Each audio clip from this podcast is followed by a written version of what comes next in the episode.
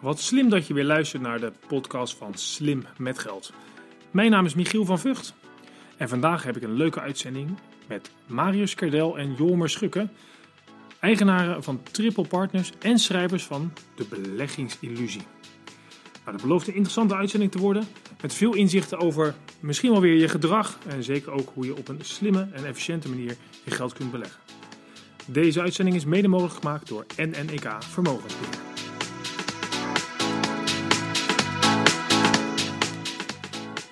Marius en Jolmer, leuk dat jullie er zijn. We zitten al een tijdje eh, gezellig te praten voordat we beginnen. Ehm, en ik zei al, ik ga jullie ehm, gewoon een makkelijke vraag stellen. Vertel eens, wie zijn jullie eigenlijk? Jolmer, begin jij eens. Nou, um, Jormer Schukke. Uh, ik, ben, uh, in, ik heb in 1992 uh, in Groningen gestudeerd. Daar kwam ik een rare jongen tegen, dat was Marius. en we herkenden elkaar in de soort chaos van ons eerste jaar. Keken elkaar aan met een beetje de vraag van, wat doen we hier eigenlijk? en dat was het begin van onze vriendschap. Dat is eigenlijk al een hele tijd geleden. We hebben samen economie gestudeerd. Um, toen ben ik voor een groot Amerikaans bedrijf, General Electric, gaan werken. Vijf jaar vooral in Azië gezeten. En toen hebben we samen ook weer een MBA gedaan in Barcelona. Twee jaar lang zonder zorgen in Barcelona. Fantastische tijd. Toen is, toen is Marius vertrokken weer terug naar New York. Ik heb daar een hele leuke vrouw ontmoet, inmiddels de moeder van mijn twee kinderen. Die heeft mij meegesleept naar Londen, want daar had ze een baan. Ik had nog steeds geen idee wat ik moest doen met mijn leven. Uh, daar ben ik helaas tot mijn spijt bankier geworden. Ja. Vijf jaar lang. Uh, vijf jaar met uh, tegenzin gedaan, maar wel heel veel geleerd. Had eigenlijk niks met beleggingen te maken, gewoon het ja, klassieke bankiersvak. Ja. Um, en dat was bij Fortis. Op een gegeven moment ging het niet zo goed met Fortis, zoals je misschien kunt herinneren. Um, wij hadden een hele grote portefeuille waar we niks meer mee mochten doen. En op hetzelfde moment was Marius terug uit New York met een idee om een boek te schrijven over beleggen.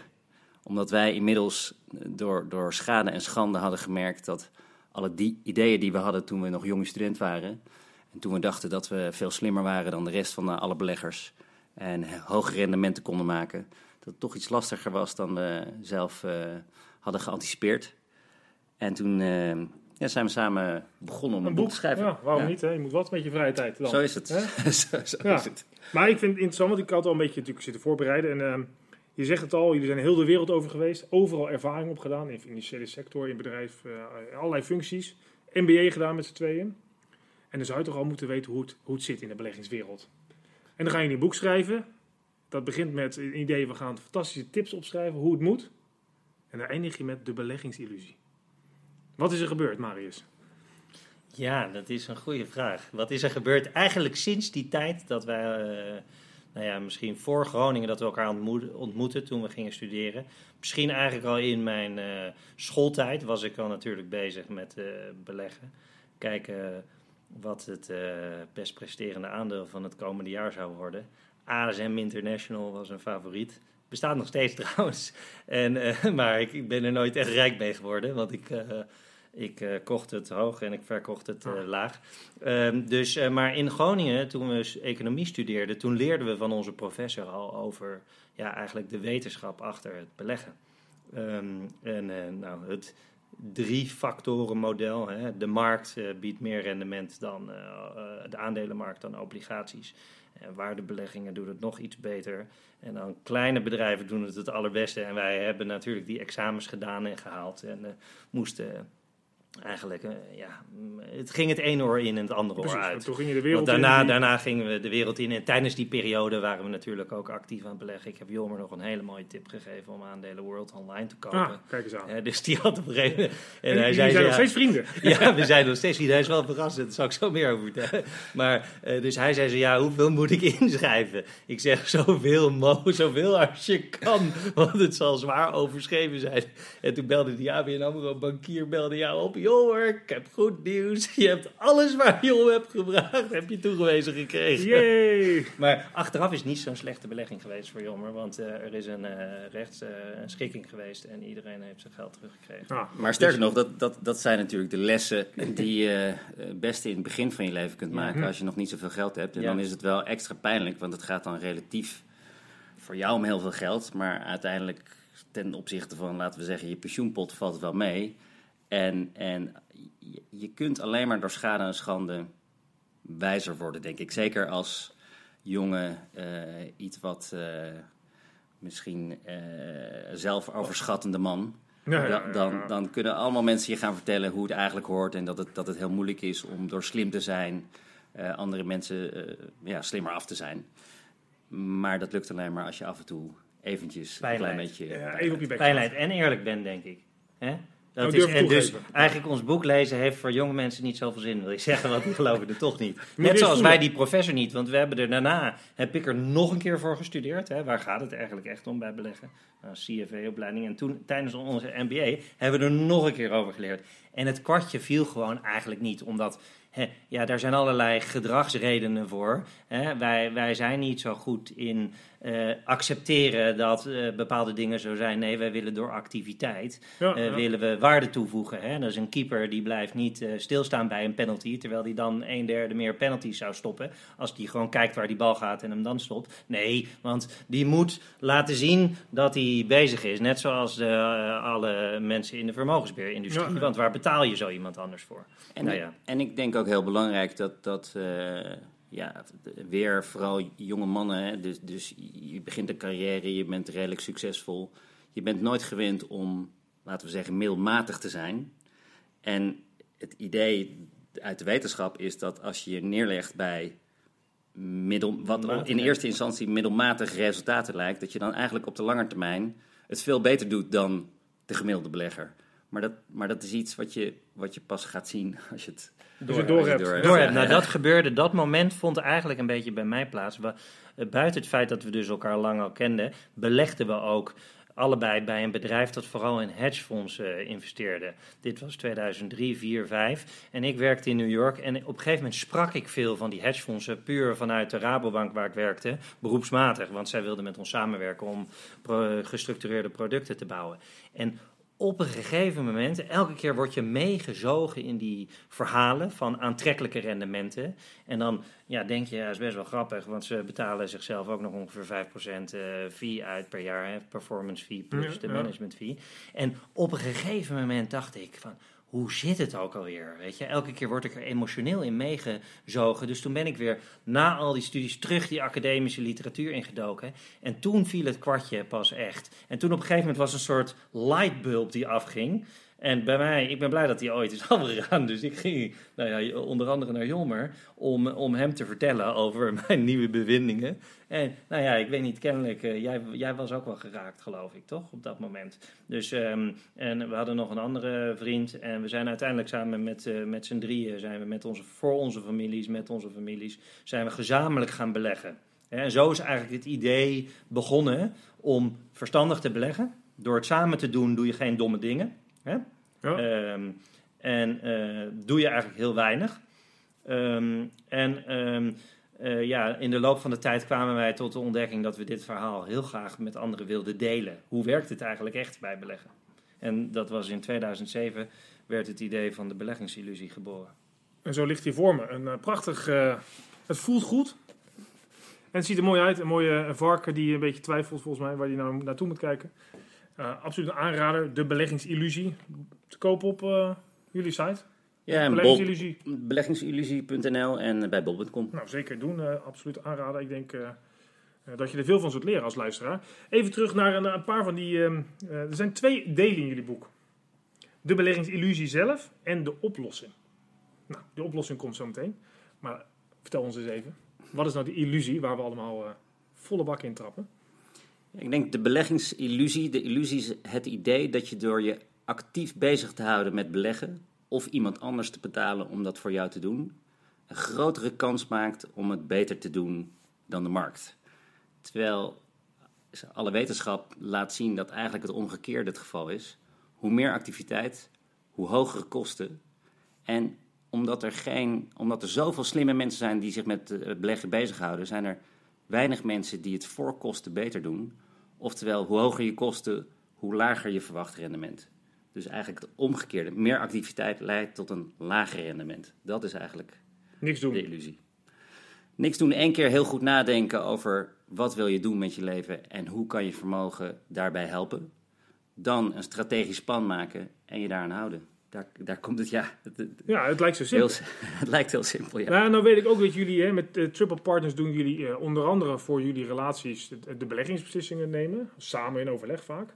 Eh, maar je doet dus niet alleen dat. Want ik hoor je een strategisch plan noemen. Maar volgens mij doen jullie ook de financiële planning of begeleiding van jullie klanten daaromheen. Is dat ook een rol die je dan moet hebben als je dat vermogen van je klant eh, beheert en die beleggingen bekijkt? Wij begonnen met gewoon de oplossing. Hè? Alleen eh, de vermogensbeheer oplossingen. Hè? De beleggingen gewoon ja, breed gespreid. In, op dat moment index beleggen. Nu zijn we iets eh, breder gespreid, om het zo maar te zeggen. Eh, maar na verloop van tijd ontdekten wij dat je kan wel een goede oplossing hebben. Maar als je die essentiële vragen van waar, wa- wat wil ik met mijn leven? Wat moet vermogen ondersteunen? En, en, en hoe zou ik dat het beste kunnen inrichten? Als je dat niet beantwoordt en niet opschrijft en niet met je partner en eventueel je kinderen bespreekt eh, en dat niet jaarlijks toetst, dan is het heel moeilijk om je daaraan te houden. Dus die rol, hè, eigenlijk als eh, vermogensplanner hè, of eh, verkoper van financiële rust, is een rol die wij op een natuurlijke manier zijn gaan vervullen. Eigenlijk heel jammer, want dat kan je maar doen voor, omdat het best wel tijdsintensief is voor een beperkt aantal klanten. En beleggen kan je voor eh, vele duizenden klanten. Dus eh, bedrijfs, bedrijfseconomisch is het niet zo, eigenlijk niet zo heel slim om die rol te vervullen. Want je weet hoe het model werkt. Als Ja. je een percentage van je eh, vermogen aan, aan fee vraagt. Ehm, ja, en, en je hoeft alleen één keer per jaar over de beleggingen te praten. Eh, ja, dan kan je heel veel klanten hebben. En eh, onze klanten eh, bellen ons voor elk wisselwasje. Dus, en dat, is trouwens, we zijn heel blij dat we die richting opgegaan zijn. Begrijp me goed, goed want het geeft heel veel, ja, het geeft heel veel voldoening. Je, je helpt mensen echt. Maar dat is inderdaad, die, die, dat onderdeel is veel bela- belangrijker, die planning, dan die oplossing. Daar gaat het om. Dus dat is ook dan deel 2. Dus dan gaat het meer over risico en kostenbeperking Ja. en hou jezelf in bedwang. En zoals je weet, dan heb ik mijn eh, boek geschreven ook over die gedrag en Ja, financiën. gedrag. dus dat is ook eh, regel 3. Met name leg je daar heel veel aandacht, of geef, geef je heel veel aandacht aan het feit dat mensen domme beslissingen nemen en dat jullie dan een soort buffer zijn tos- tussen die domme beslissingen en die klant. Is dat het hou je jezelf in bedwang? Ja, ik denk dat dat nu 90% van ons, eh, van ons werk is. En, en er is ook wel echt iets veranderd in Nederland. Want toen wij begonnen eh, voor onszelf te beleggen in 2007, ja. toen bestonden er gewoon niet zoveel verstandige, goedkope beleggingsoplossingen. Er waren nauwelijks indexfondsen.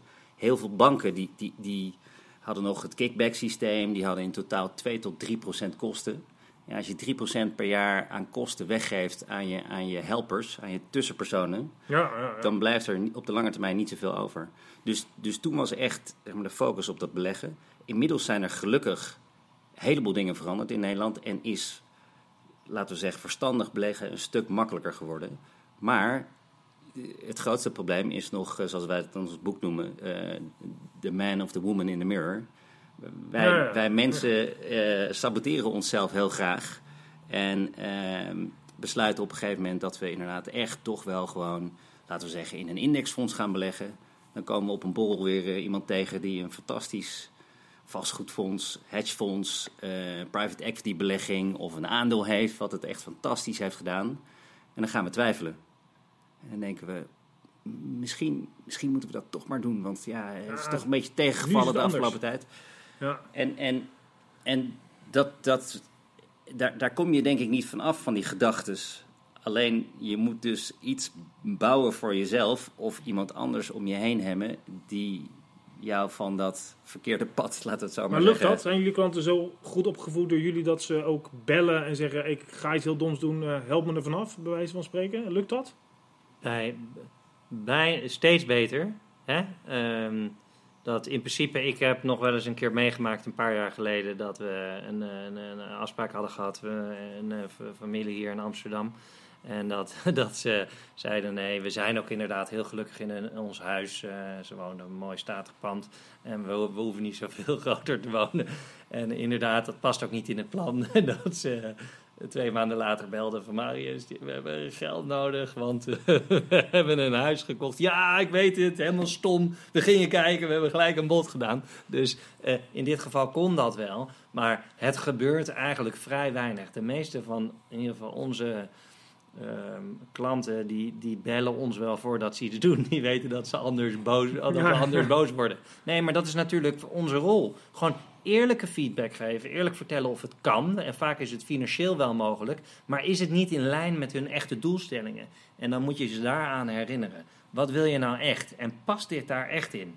En dan zie je vaak dat mensen dus door nou ja, van alles wat er in het lichaam gebeurt en onze evolutie en de, uh, ja, hoe wij als mensen in elkaar zitten, dat mensen getrokken worden in, uh, in, in, in, ja, in korte termijn hebzucht uh, en angst. Ja, ja. en in verkeerde beslissingen. En, en, en, en zij weten dat wij ervoor zijn om ze daarvoor te behoeden. Maar ook onze klanten doen af en toe wel rare dingen. En wij uh, steeds minder eigenlijk. Ja, steeds minder. Wij zijn echt saai. Ja. wij kijken, ik, ik serieus, ik kijk echt, echt één keer per jaar voor de belastingaangifte. Tel ik op, zeg maar, wat ik aan uh, pensioenpotje heb en verder bezittingen heb.